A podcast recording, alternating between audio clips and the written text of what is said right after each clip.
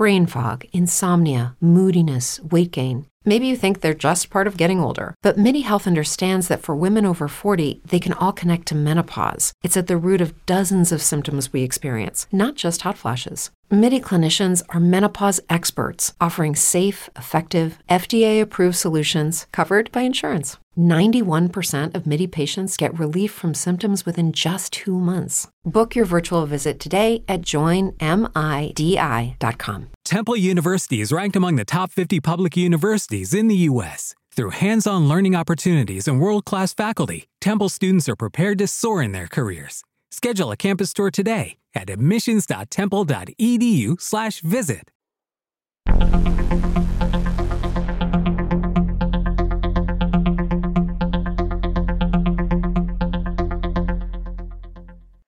Pozdrav, dobrodošli u novu epizodu našeg podcasta. Ja sam Sandra Dančetović. Ja sam Petar Luković.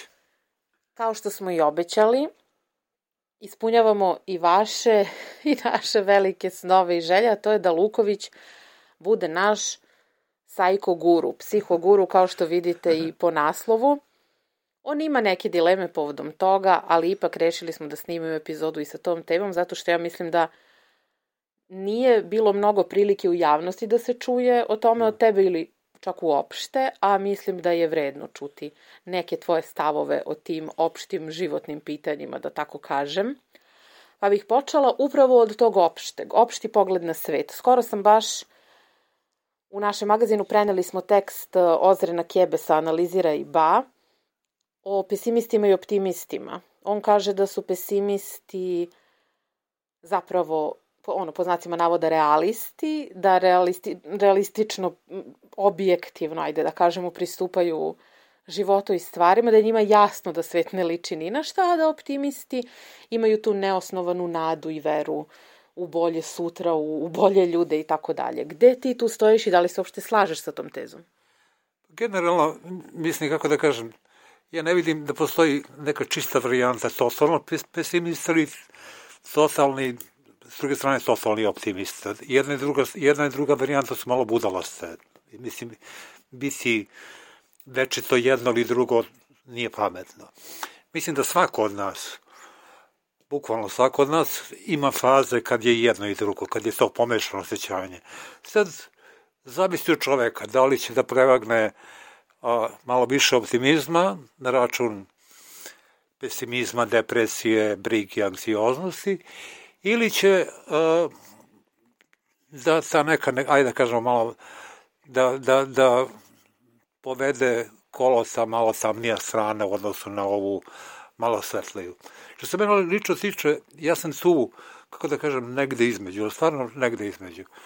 Uh, naročito, pošto je to lično, i ovo, naravno, da pričam samo mogu upišem lično, naročito, nakon tri godine od bolesti, neke, neke kako da kažem, neki, neki postulati životni se malo menjaju.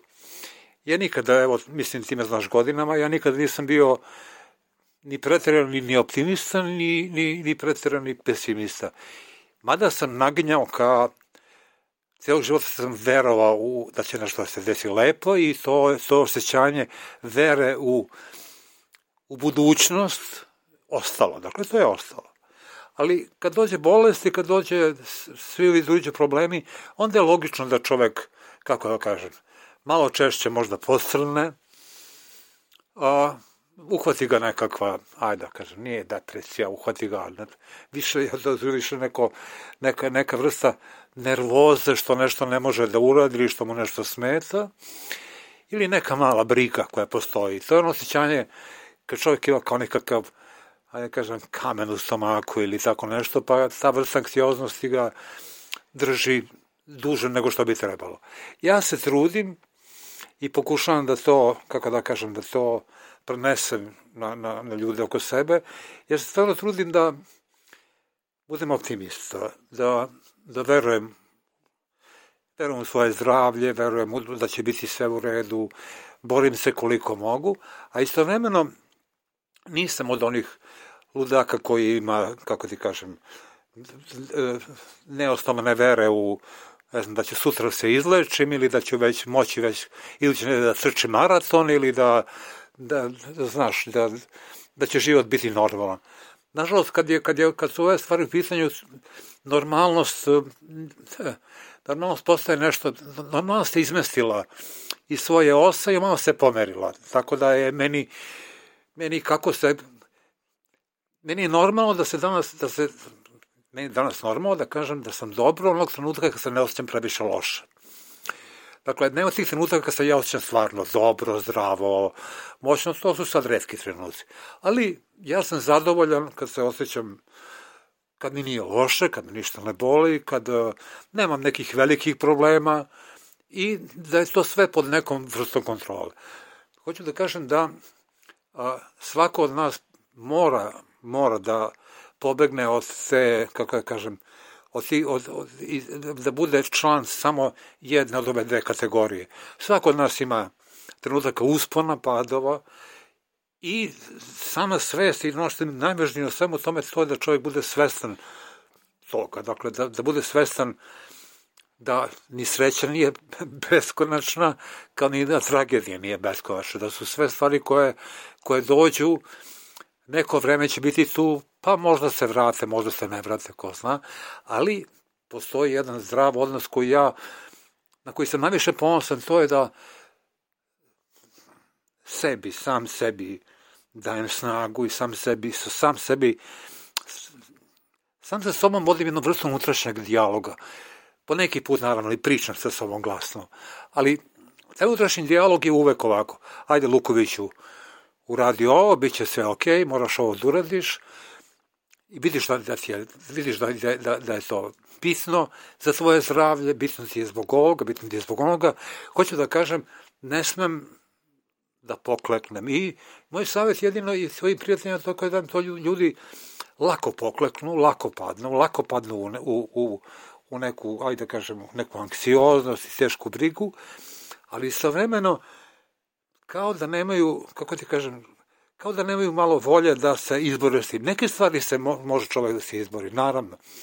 Ja ne mogu sebe da izlečim, samo izlečenje to ne pomaže, ali puno pomaže, kako da kažem, puno pomaže moja volja, da ja se borim koliko mogu, da budem raspoložen, da se smejem, da, da sebi činim život što mogu ugodnijim u ovim okolnostima. Mislim da je, ako je to neko rešenje, da čovek kombinuje jedno i drugo, jer niko od nas niti je savršen, niti je potpuno, kako kažem, bez briga ili je sav u brigama. Svako od nas ima svojih tamnih i lepih, tamnih i lepih strana, ali ceo, ceo vis će da nađemo pravu kombinaciju, da nađeš iz dana u dan. I ono što važi za danas ne možda ne važi za sutra. I svakog dana mora čovjek da, kako ti kažem, da nađe nekakav smisao, zašto je to bitno, da sebe stalno podsjeća, I to sam ja uspeo, kako da kažem, naročito u posljednje tri godine. Ranije ne toliko, ali ove posljednje tri godine su me naučili i privele pameti u odnosu na neko prošlo vreme. Upravo si dokazao ono što sam i mislila, a to je da si zdrav jako u tom smislu, zato što ne gledaš na stvari crno-belo. To si sam rekao, nisam morala da. ni da te pitam.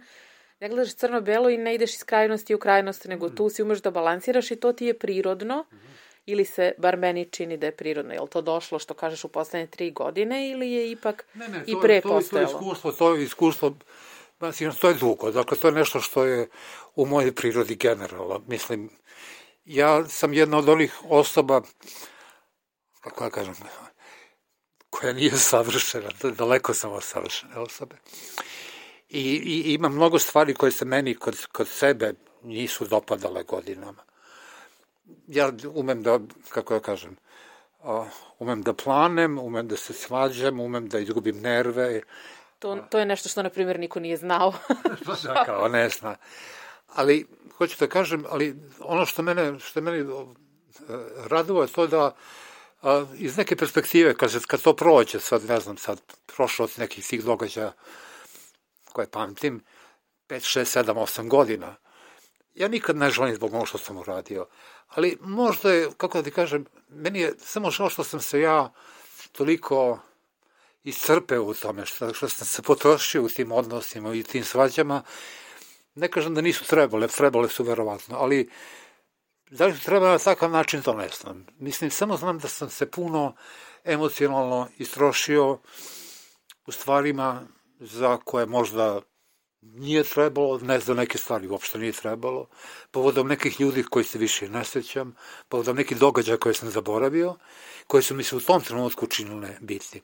A to je ono osjećanje što čovek u životu ne zna, njemu se nekad, ajde nije važno, pre 10-15 godina, nekakav period u životu, nekakav događaj čine ključnim i bitnim u tom životu. I sad ako to ne uradeš, jebi ga, to je, onda kažeš je sve, sve je propalo. A onda godinu dana kasnije ili šest meseci kasnije ti shvatiš da je to bilo toliko glupo, toliko bez veze, toliko, toliko imbecilno da sebe pljuvaš.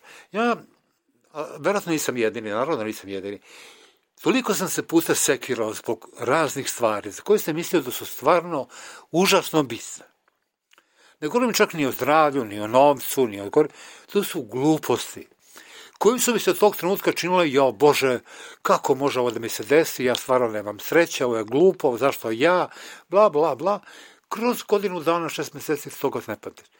I onda što sam, onda sam uspeo malo, koliko sam god znao, mislim da sam dosta u tome uspeo, da, kako da kažem, da napravim jednu skalu vrednosti, šta je bitno u ovom životu, šta nije bitno. Mislim, naročito kad je, kad je čovjek u poziciju sam ja, to, to mu, da kažem, dođe kao nekakav priručnik mu dođe. I stvarno, žao mi je što sam toliko vremena izgubio zbog nerava, živaca. I žao mi je što sam imao toliko stresova koji su na ovaj ili ovaj način doprinuli da budem u stanju u kome se danas dan nalazim. Mislim da, kad bi nekom trebao da dam savet nekakav, to je da da ne reaguje, da, da s tog trenutka razmisli šta god daje, kako će to misliti kroz godinu, dve dana? Da li to stvarno toliko bitno? Da li je, da li je stvar zbog koje se mi nerviramo sada zaista vredna toliko nerviranja?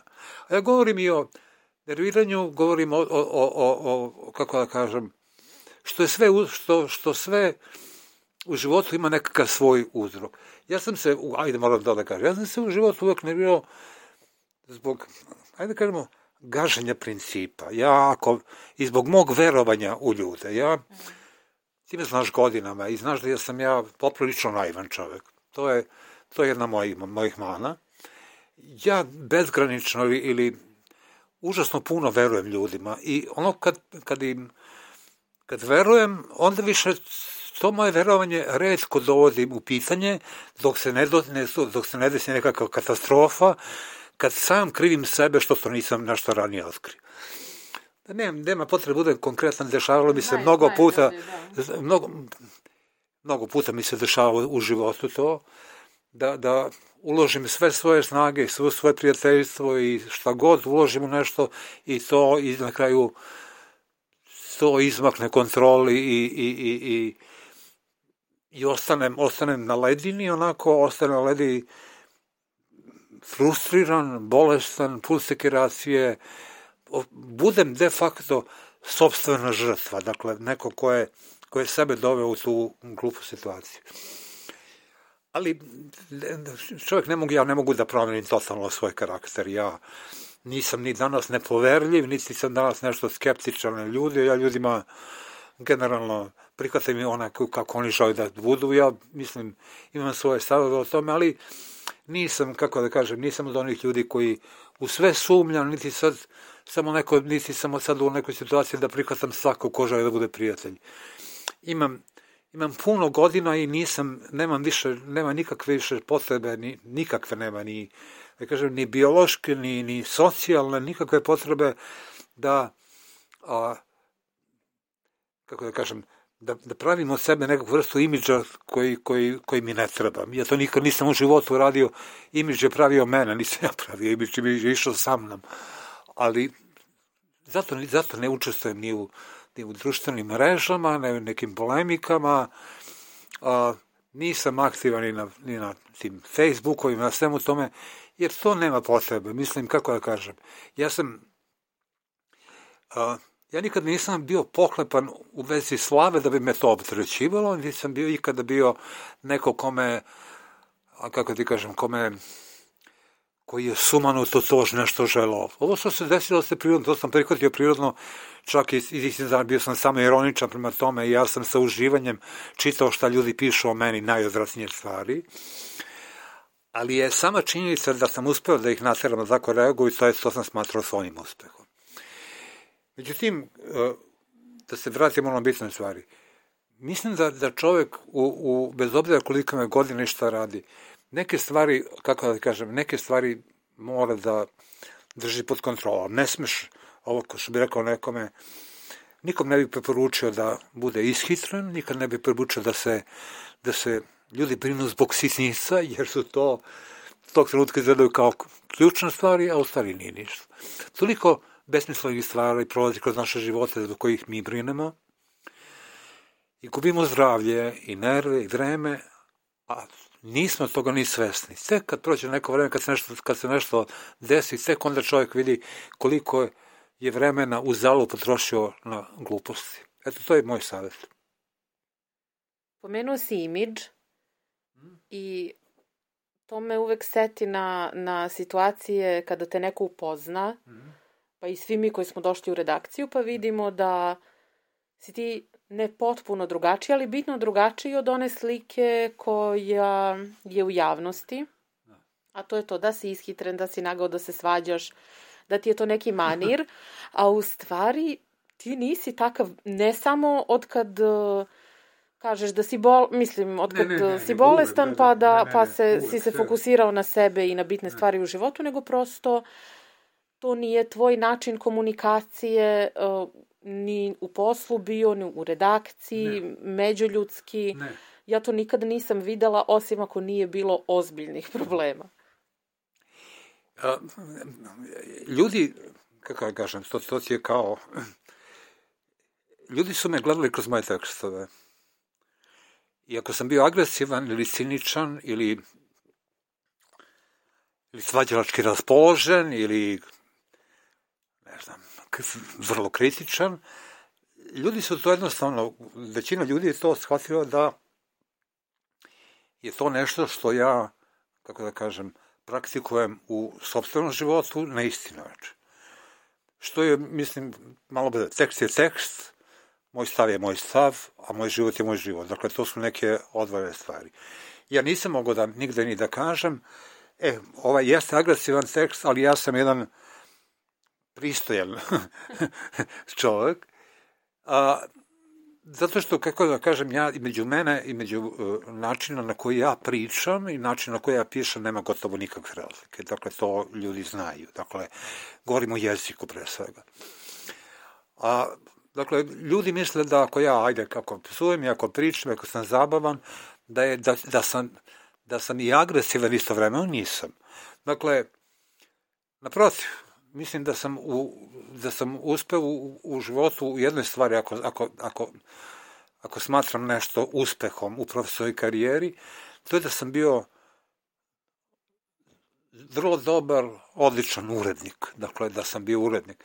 Dakle, to je meni bilo veće zadovoljstvo da budem urednik, da budem dobar urednik, da budem dobar, dobar novinar ili popularni kolumnista ili to. Dakle, to, biti dobar urednik je nešto što je, kako da kažem, zahteva zahteva da brineš mnogo više o drugima nego što smiješ o sebi. I onog trenutka, kad je, kad, ja sam to samo govorio, dobar si urednik i sjajan si urednik kad shvatiš jednog dana da više uživaš u tuđem tekstu nego u svom.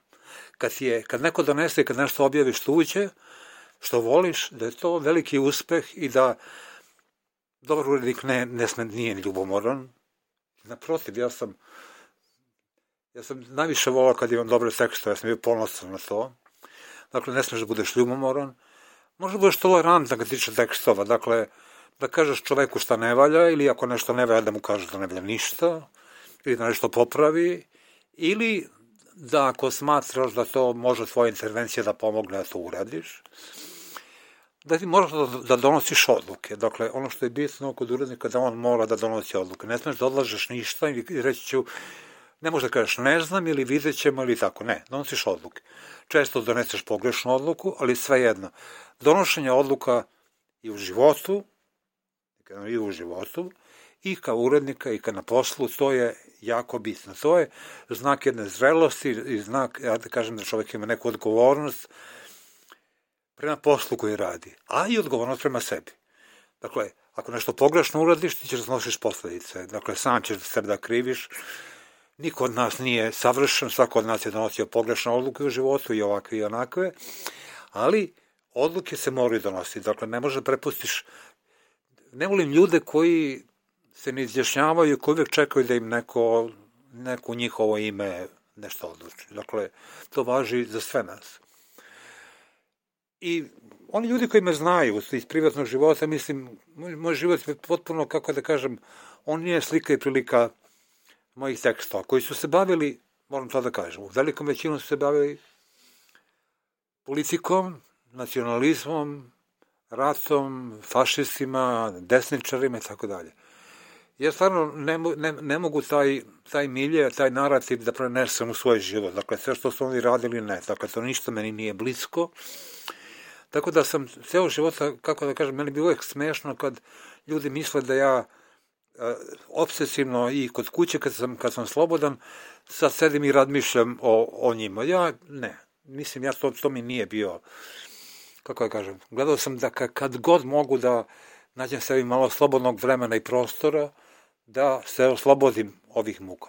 Nažalost, 90. godina i nažalost i, i, i nakon toga količina ludila koja, koja je bila oko nas je bila takva da je da sam morao puno i da radim, puno i da bilo je vrlo malo vremena za, za mentalni odmor. I mislim kad govorimo o tome, mislim da je svakom od nas potrebno je neka vrsta pauze mentalne, da negde staneš i da, i da sebe ne forsiraš i da, i da sebe ne forsiraš na način da ali to je, to je neka druga tema. Da li nešto možeš, moraš da uradiš, ne moraš, na koji način i kako. Zašto misliš da je to druga tema? To je bitna tema. Možda je, nisam mislila da je pokrenem, ali dobro je što si se toga setio. Je, jeste dobra tema. Zato što svako od nas, kako da kažem, svako od nas koji radi nešto, šta god, dakle, nevažno je profesija, ima svoje planove, ima svoje želje, ima svoje ambicije. I svako od nas, ja pretpostavljam kao da to svako radi, sanja ili sebi postavlja nekakve zadatke, ajde kamo ciljeve neke u životu. Sa željom da ih ostvari, po mogućstvu što pre, naravno. I sad je, uvek postoji jedna jedan problem. Postoje ljudi koji sebi zadaju nekoliko, imaju nekoliko zadataka ili nekoliko cilja.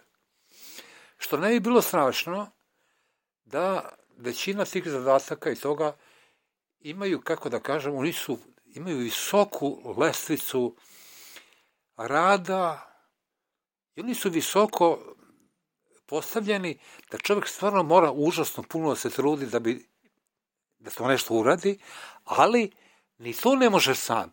Moraju okolnosti oko njega da budu takve da omoguće da to uradi. Šta meni vredi ako ja sam genijalan pisac, ako nema izdavača koji će da prihvati moj roman i da ga objavi, ako nema publika će to pročita. Dakle, to je odmah jedno, daj mi jedan primer, jedno nezadovoljstvo. Dakle, ja mogu da želim nešto, ali mora da postoji jedan racionalan način da se nešto ostvari. Ja sam u svom životu gledao da napravi nije kompromis, nego sam, nego sam da se ne bi kad začarao. Kad čovjek sebi postavi velike zadatke i velike ciljeve, naravno da je mogućnost razočarenja mnogo veća. Nego kad postavi nešto malo. Ali, ako postaviš nekakvu, nekakve ciljeve razumne, koje više manje lako ostvariti, već sledeći put možeš malo da podigneš lestvicu i potrešeš nešto. Ali e, nikad se neću složiti s ljudima koji sebi postave ne znam, velike ciljeve, redko to, redko to može da uradi, već malo po malo.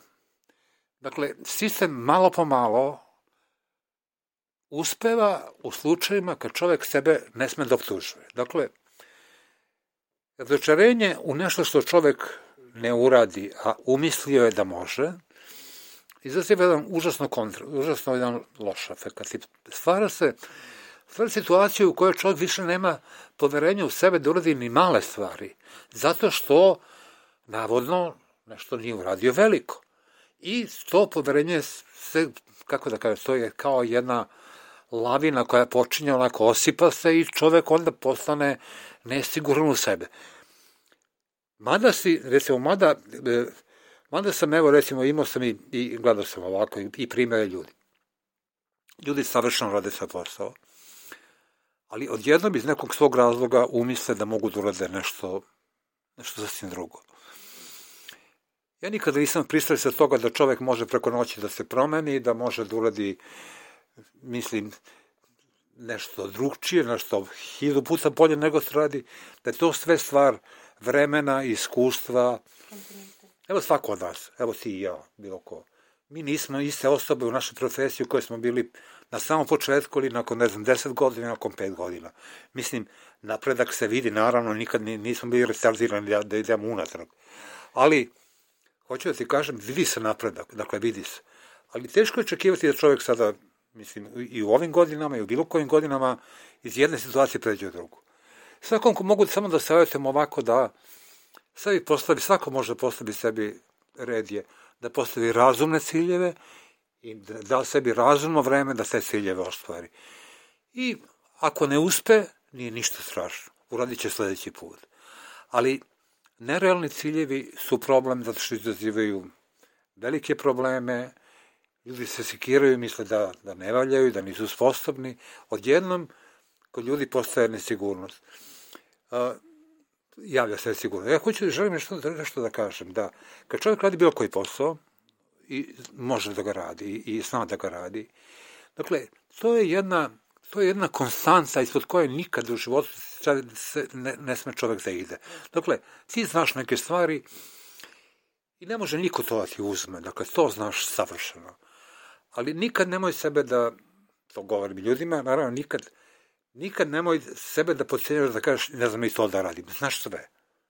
Ja kažem ljudima, znate to da radite, super je to, ako imate još nešto, super je, ali držite se ovoga što znate. Ako znate još nešto, tim bolje. Ali nemoj, e, e, ljudi imaju taj prokleti, proklete želje za uspehom, za karijerom, za bilo čim ljude tera da rade stvari za koje nisu sposobni. I svako nas... Misliš da svaštare da se oprobaju Naravno, više? naravno. Misliš da to nije dobro? Ne. Mislim, kako da ti kaže, evo, mi, sam, mi se bavimo novinarstvo. Sad, sad ja ne znam, sad pojma nemam, ne znam sad nekad nešto drugo, da me neko pozove da radim nešto drugo ili da pričam o nečem drugome, sem o ovome što znam, ja to ne znam. Jer ja sam u životu, pozivali su me da pričam o raznim stvarima, ali ja sam uvek pričao samo o stvarima koje znam. Odbio sam da pričam ikada o ekonomiji, o tom ne znam ništa. Odbio sam da pričam o stvarima o, i, i ne znam, klasična muzika ili nemam pojma šta sad, čitav niz stvari o kojima ja ništa ne znam. Dakle, svako od nas treba da bude svestan ovog što zna i ovog što ne zna. I ne mogu da radim stvari da svaštarim i da tek tako da bih bio negde ili tek tako da bih nešto uradio. Da, tu, da. To je, to je, to je malo, malo bez veze. Mada, mislim, koliko, evo, gledajući medije svih ovih godina, imaš ljude koji, koji smatraju su sposobni za bilo šta, za bilo šta, da bilo o čemu govore, da bilo šta napišu, da bilo šta kažu, i to celu i profesiju i njih, mislim, kako ti kažu, vodi kako ti u jednu banalnost. Mislim, niko od nas nije sposoban da, da razgovara ozbiljno ili, ili kako da kažem, analitički o svim stvarima. Milijardu stvari postoje o kojima ne znamo, držimo se onoga što znamo, probamo nešto da naučimo, nešto novo, ali ne mogu da lupecam i da budem budala samo da bih, samo da bih negde, da bi mi neko završao po ramenima i rekao, a super si bio, baš nam to treba. Ja, kako da kažem, izgleda smešno, ali hoću da kažem da svako od nas mora na izvestan način da bude skroman. Mislim, to izgleda malo glupo kad ja kažem, ljudi misle da se ja neskroman, nisam. Nisam baš nešto ne pretredno skroman, ali govorim skromnost u svojim ambicijama i... Samo kritičan možda. Pa i, ajde, kažem i samo kritičan i drugo što, kako da kažem, svako od nas bude, da bude svestan svojih vrednosti. Koje ne sme, to je prvo. Ne sme čovjek da podcenjuje sebe, kao što je isto neuputno da sebe predstavlja kao genijalci kao gore. Ali mnogo, pa, mislim, opasno je kad čovek a, podcenjuje sebe, nema poverenja u sebe i to je segment gde ljudi, kako kažem, treba da rade na sebi. Moraš da veruješ sebi. To, ne, ne kažem sebi konkretno, dakle svakome od ovih sluša. Dakle, svakom moraš da veruješ sebi. Moraš da imaš poverenje u sebe, da znaš da nešto možeš da uradiš i tu nema dilema. Dakle, kad to znaš, onda je sve lakše. Ali je ja strašno opasno u životu kad čovek iznova svakog dana sebe sebi, sebi postavlja pitanje, ja da li sam sposoban na ovo, da li, sam, da li ja mogu ovo da pa možeš, jebote, pa to su stvari koje znaš. Dakle, pređimo na neku drugu kategoriju. Dakle, moraš da veruješ sebi, to je bitno, i moraš da, da kako da kažem, moraš da da se vratim na prvu, prvo ono pitanje, moraš da posjeduješ jednu dozu vere. Ja sad neko, neko će reći, je to optimizam, pa ajde, zovite ga god hoćete, ali neke vere da ćeš to što želiš da uradiš, da ćeš moći da uradiš. Ništa ti ne garantuje, ni vera, ni ovo sve, da će to da se desi. Ali, mnogo je značajno za, za, kako da za organizam, za mozak, za tebe, da budeš u tom uh, da imaš takav mod, takav, takav kontekst, da budeš u tom moodu, što bi rekli na engleskom, in the mood za uspeh. Dakle, da budeš spreman da nešto lepo uradiš, ali da nešto moraš da veruješ. Onog trenutka kad a, počinješ bilo šta sa nekom velikom sumnjom, to se obično završava loše. I to sam, to sam video i na primjeru i tekstova i ljudi koji su pokušali da pišu knjige i njihovih iskustava i svega toga. Najviše uspeha, recimo, imali su ljudi koji su, kako da kažem, koji su nešto krenuli da rade bez ikakvih želja i ambicija da to bude nešto, otko znam, najveće, veliko, popularno, tako dalje. To se samo, ali vera u to da ti možeš to da radiš i da pišeš, njih je dovela na pravi put. Dakle, niko njih nije rekao ja to ne mogu da radim, pa, ali ajde probaću, ne. Dakle, savjetujem svakome prvo da mora da poštuje sebe, da bude siguran u sebe i da zna svoje granice šta može da uradi. Dakle, da ne preterujem, niko od nas nije ni supermen, ali niko nije od nas ni, ni kreten, tako da možemo da nađemo jedan, jedan, kako da kažemo, jednu pravu verziju sebe, sa kojom nešto možemo da učinimo u životu. Pomenuo si da čovek treba da postavlja granice sam sebi, da ima zdravu ambiciju, ali da zna dokle može da ide, da ih testira i tako dalje. A šta sa granicama prema drugim ljudima? Kako ja znam, isto iz iskustva u radu, u redakciji, čula sam milion puta kako pričaš s nekim uživo preko telefona, sa nama, kako god, da jako umeš da se postaviš kako treba, da postaviš granice, da kažem, i spoljašnje i unutrašnje, u smislu da znaš kad treba da prekineš razgovor, da znaš kad treba da se povučeš iz razgovora, da i ono što je najzanimljivije, što ja, na primjer, nemam, i kad ga prekineš, i kad se povučeš, da to ne ostaje u tebi, da se ti više time ne baviš, da se ti ne preslišavaš, da se ne, ne, ne upadaš u besomučno analiziranje da. sam sa sobom, što je, na primjer, meni apsolutno svojstveno. Kako? Je li, ist, je li isto to nešto prirodno ili si došao do toga? To me jako interesuje. Mislim da je to, da je to delimično deo moje prirode ovako. Drugo, mislim, brzina kojom, kako je kaže, brzina, brzina, meni je bitno, brzina kojom ja pričam i brzina kojom ja mislim, omogućava mi da puno stvari kažem u kako da kažem, u kratko vreme. I često ljudi koji, ima najveći problem je ljudima koji, koji sporo pričaju, sporo misle koji razgovaraju sa mnom. I to je, uvek je bio to jedan problem. to je jedan, dakle, to je način, ja volim tako da pričam, volim da kažem, vrlo sam otvoren u razgovoru i vrlo jasno kažem o čemu se radi, o problemima, i drugo pokušavam da razgovor svedim na ono što je bitno. Dakle, ako me neko zove zbog nekog problema, zbog teksta, da govorimo o problemu i tekstu. A ne sad da počnemo od kulina bana, mislim, gde je neko ustao, gde je krenuo negde, pa tog dana je bio, da li je bio ponedeljak, da li beše, pa kako ono, znaš kako kažu, Da, da, da. da li beše ponedeljak, da li beše u kneza mi... Tako zvani Pavićevski razgovori, to ne. Stani, mislim, stanite. Kažete mi temu šta je. Drugo, imam, imam tu sposobnost da razgovor u bilo kom trenutku, ako treba priveden kraju, vrlo pristojno, da kažem da moram da, moram da prekinem, da moram da odem, vrlo jasno. Dakle, ne dopuštam nekome da me, mislim, moram da ga, ne pokušam na telefonu da me neko maltretira. Dakle, to nikad nisam, to, to, to, vole ljudi, ima, naravno da ima ljudi koji vole da pričaju telefonom, naravno da je postalo gomila ljudi koji su razgovarali sa mnom, mogu da pričam kad je nešto zanimljivo, kad je nešto bitno.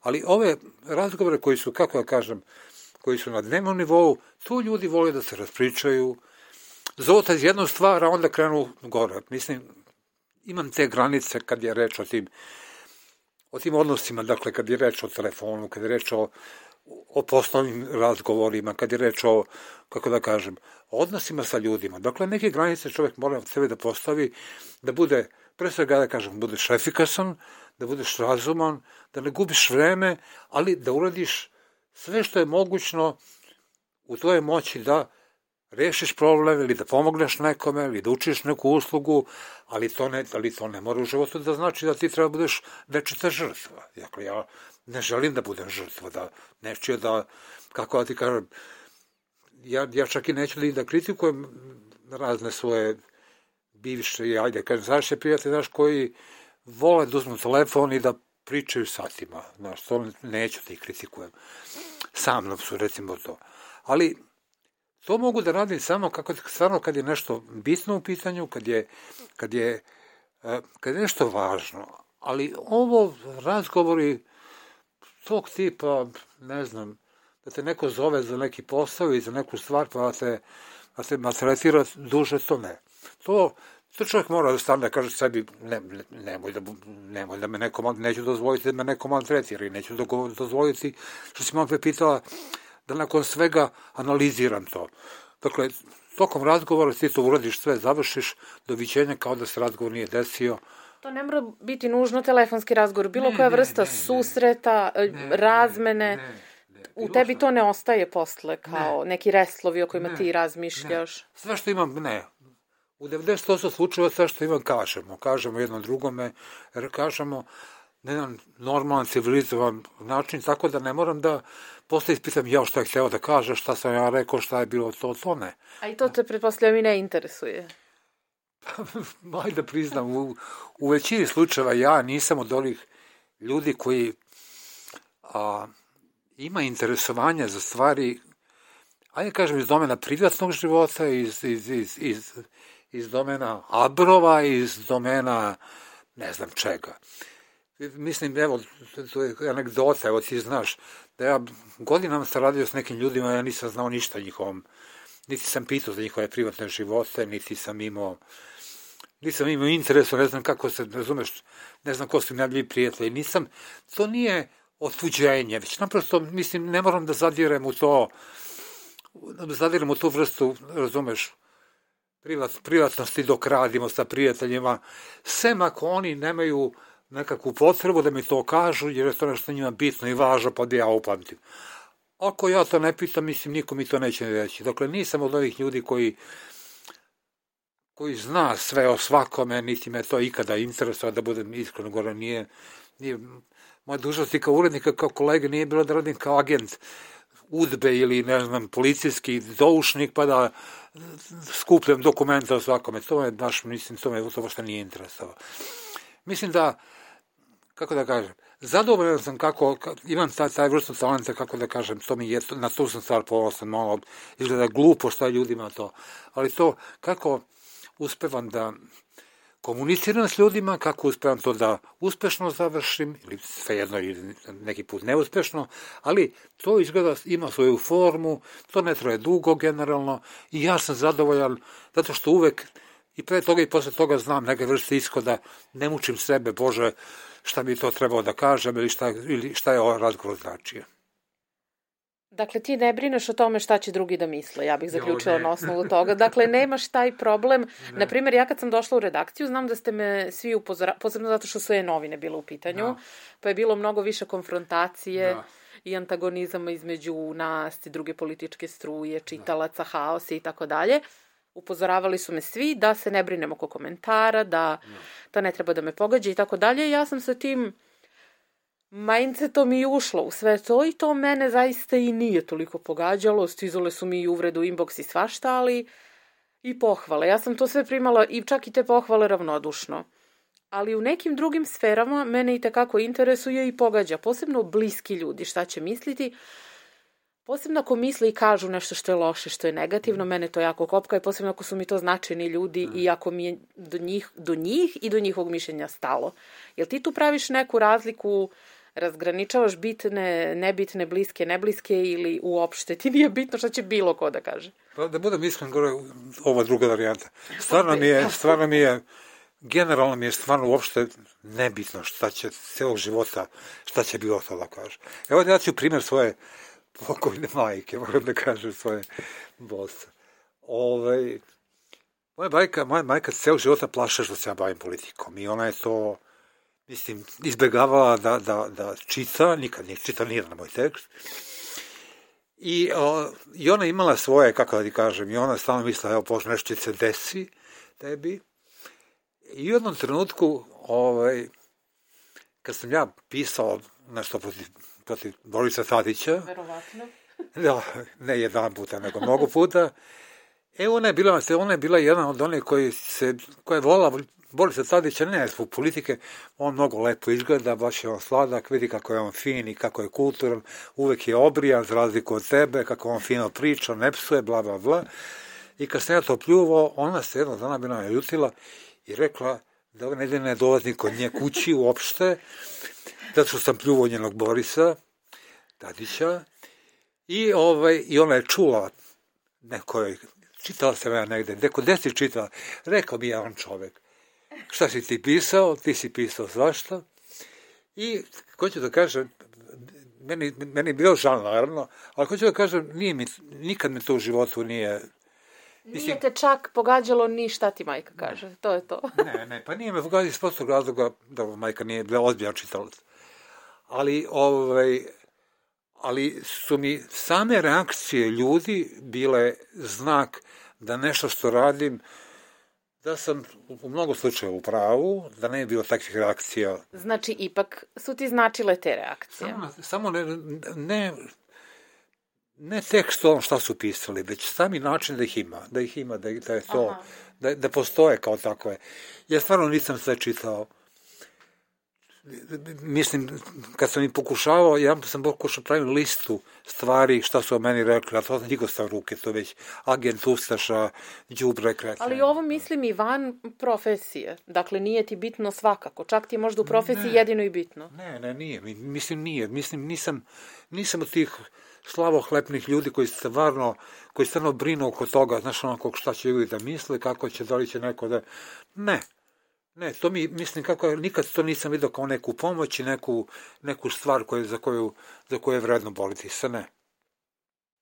Lukoviću, hvala ti. Mi smo uspeli da pokrijemo možda 5% tema koje sam ja ovde pripremila.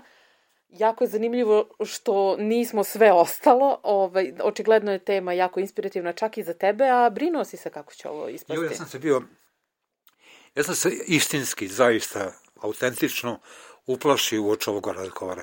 Mislim, sama ideja da ja pričam nešto oko, kako da kažem, što je, ne, ajde da kažemo, na nekom mentalnom nivou, da nekom ja dajem savete, da a, izložim neka svoja verovanje, to, to me malo uplašilo. Zato što to nisam, kako da kažem, nisam nikad ni bio na jednoj tribini, niti sam javno govorio o tome, niti sam negde iskazivao šta sam i ko sam, tako da sam Iznenađen.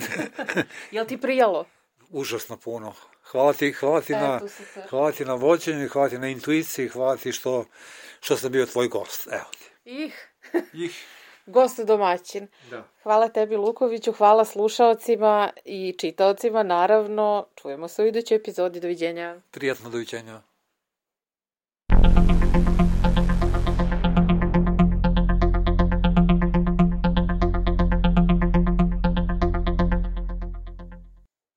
Judy was boring. Hello. Then Judy discovered ChumbaCasino.com. It's my little escape. Now Judy's the life of the party. Oh, baby, Mama's bringing home the bacon. Whoa, take it easy, Judy. The Chumba life is for everybody. So go to ChumbaCasino.com and play over 100 casino style games. Join today and play for free for your chance to redeem some serious prizes.